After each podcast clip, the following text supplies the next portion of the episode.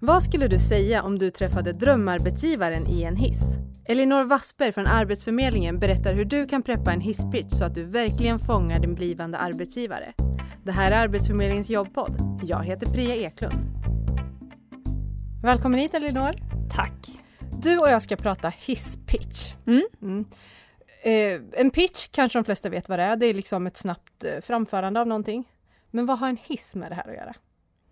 Ja, alltså som du säger, hisspitch eller hisstal som det också kallas, eh, det är ju en kort presentation av dig själv och man skulle kunna säga att en, en hisspitch för hisstalet, det skulle kunna vara till exempel att eh, hisstal är en metod som du gör att du med några korta meningar kan göra, visa tydligt vem du är. Mm. Så bara kort så att det handlar om att lyfta fram fördelarna med någonting och göra det väldigt tydligt och konkret. Så ett kort tal. Och varför, varför just hisspitch eller hisstal? Ja, men det kommer från engelskans elevator pitch. Och det handlar mycket om att i USA så finns det ju många skyskrapor och då tänker man sig att om du skulle kliva in i någon av de här skyskraporna med en arbetsgivare, ni bara råkar hamna i samma hiss, då har du ett guldläge att presentera dig själv. Och då har du då motsvarande den här hissresan upp till vilken våning man nu ska till på dig att presentera dig själv. Och då behöver du göra det kort och koncist. Mm. Och nu kanske jag inte är i USA i en skyskrapa allt för ofta, framförallt inte med en arbetsgivare. Kan man använda den här typen av tal i andra sammanhang? Absolut. Det finns många områden där det är användbart och mycket när du söker jobb idag handlar ju om att nätverka, att prata med olika personer, se hur dina kontakter kan hjälpa dig framåt. Och där gäller det att vara tydlig med de människor du möter, vad du kan hjälpa till med, vad du kan bidra med. Så det du vill ha med där då, det, det är ju egentligen, men vem är du? Vad kan du för någonting och vad vill du bidra med?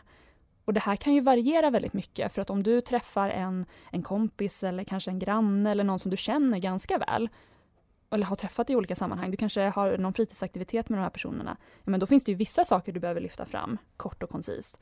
Är det så att du träffar någon som du aldrig har träffat tidigare, ja, men då behöver du ju anpassa dig kring någonting annat, för då har de ingen förkunskap om dig. Så att när du träffar olika människor i olika sammanhang, bara spontant så, eller om du kanske ringer en arbetsgivare, spontant så, du tar kontakt med dem och vet ju inte om de kommer ha tid att prata med dig. Då kan du inte lägga ut allt som du kan bidra med, utan då får du välja ut någonting som ska vara det första som du lägger fram. Mm. Och rekryteringsträffar, där Mm. träffar man arbetsgivare och där har man inte så många sekunder på sig och berätta vem man är. Så där kan det ju vara. Ehm, och ett annat tillfälle, under intervjun, det kan komma en fråga. Vem är du? Absolut. Och den frågan är ju faktiskt en av mina favoritfrågor. När Det det är en av just- mina värsta. Ja, ja men och det, det beror ju kanske lite på, har du förberett dig för den? För om du inte har förberett dig på den här frågan, berätta lite om dig själv, ja, då blir den ju jättesvår. Vad ska jag börja med? Vad vill jag lyfta upp? Berätta om mig själv, det finns så mycket att säga. Ja, men har du tänkt igenom, till exempel genom att göra sånt här hisstal, då, en hisspitch, då vet du ju precis, det är den här egenskapen eller den här kompetensen, den här erfarenheten som jag vill lyfta upp. Mm. Och du var inne på någonting där. Det är alltså olika hisspitchar för olika personer. Ja, och olika, både olika personer och kanske olika tjänster du söker. För då kan det vara olika saker du vill lyfta fram. Vad är viktigast här och nu? Och målsättningen med en hisspitch är ju att dels ska den här personen som får den känna att okej, nu vet jag mer vem du är, en tydligare bild. Dels ska de ju känna, jag vill veta ännu mer om dig. Berätta mer om det där eller ja, men absolut, jag vill gärna ha ett samtal med dig för att det här lät intressant. Så det gäller ju för dig att tänka ut vad behöver den här personen veta här och nu för att vilja prata vidare med mig i telefon eller för att vilja rekommendera mig vidare till någon annan eller ta ett andra möte med mig. Kan man tänka lite som en filmtrailer? Det Mm. kan man ju ibland se. Ja, men man får ju se höjdpunkterna så att man verkligen blir så här, den här filmen vill jag se. Absolut, det är ett jättebra sätt att tänka. Mm. Hur ska jag förbereda mig då? För att om jag ska ha olika hisspitchar för olika typer av personer som jag träffar i olika sammanhang. Det kan ju bli, för, för mig då, som kanske inte alltid är jätteskarp, det blir väldigt rörigt. Finns det liksom någon grund jag kan ha som jag kan ha, ja men det här har jag förberett och sen så får man liksom tänka till lite och vara lite på alerten när man träffar personer i olika sammanhang. Ja, men som sagt, alltså det är alltid bra att tänka igenom vad du vill, vad du vill lyfta fram. Alltså tänk på dina tre, tre starkaste egenskaper och i det här fallet då jobbsammanhang. Tänk på någon erfarenhet som du känner att det här har verkligen här, här presterade jag väldigt bra. Det här säger mycket om vem jag är i ett jobbsammanhang. Så plocka ut några sådana som du kan använda dig av. Och i de allra flesta sammanhang så kanske det är ungefär samma pitch du använder, för det är samma egenskap du vill lyfta upp. Det är ju mer om du som sagt pratar, om du förbereder dig och ska ringa upp någon eller träffa någon på den här fritidsaktiviteten. Och, ja, men idag ska jag ta steget och faktiskt fråga vad den här personen gör när vi inte ja, spelar handboll eller när vi inte eh, ses i schackklubben, utan ja, men vad gör vi då? Jo, då, då vill jag berätta det här om mig själv också. Mm. Om jag har svårt för att komma igång, jag vet inte riktigt hur jag ska skriva eller vad jag ska skriva. Har du något tips där? Vad kan jag göra? Ja, men dels det som jag sa innan, att fundera på vem är jag, vad kan jag och vad vill jag bidra med? De tre frågorna kan du ställa dig själv. Men ytterligare en variant är också att gå in på hisstal.se. För på den hemsidan så får du fylla i lite uppgifter om dig själv och sen så får du då levererat ett förslag på ett hisstal.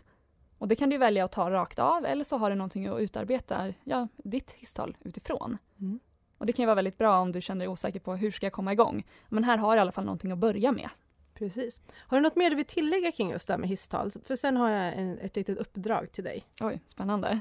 Ja, nej men som sagt, återigen, tänk att det här är det handlar egentligen om att du ska presentera dig själv på ett tydligt sätt, några få meningar. Så bara fundera på hur kan jag göra det på bästa sätt och se det som en bra förberedelse för alla olika situationer när du träffar någon och ska berätta om dig själv. Mm. Elinor, tänk dig New York. Oj. Mycket liv. Mm. Eh, du besöker en skyskrapa. Du kliver in i hissen, där står jag. Jag är din drömarbetsgivare. Du tittar på mig och tänker så här, nu. Det är nu jag har chansen. Det är ju den här arbetsgivaren jag har försökt att jaga här nu pitcha dig själv. Hej Priya! Eh, jag heter Elinor och vi har inte hunnit träffas tidigare men jag har tittat lite på vad du har jobbat med tidigare och skulle gärna vilja jobba med dig. Jag jobbar som föreläsare och där är min största styrka att jag faktiskt kan inspirera och motivera personer när jag berättar om vissa ibland svåra ämnen och jag får dem att ta sitt nästa steg. Skulle inte du och jag kunna ta en fika och prata lite mer om hur vi kan jobba tillsammans framöver? Absolut kan vi göra det. Hurra! tack för att du ville komma hit och prata hisspitch med mig. Ja, men tack och lycka till till alla som lyssnar. Använd det här verktyget. Du har lyssnat på Arbetsförmedlingens jobbpodd med mig Priya Eklund och veckans gäst Elinor Wassberg. Inspelningsansvarig var Andreas Damgård.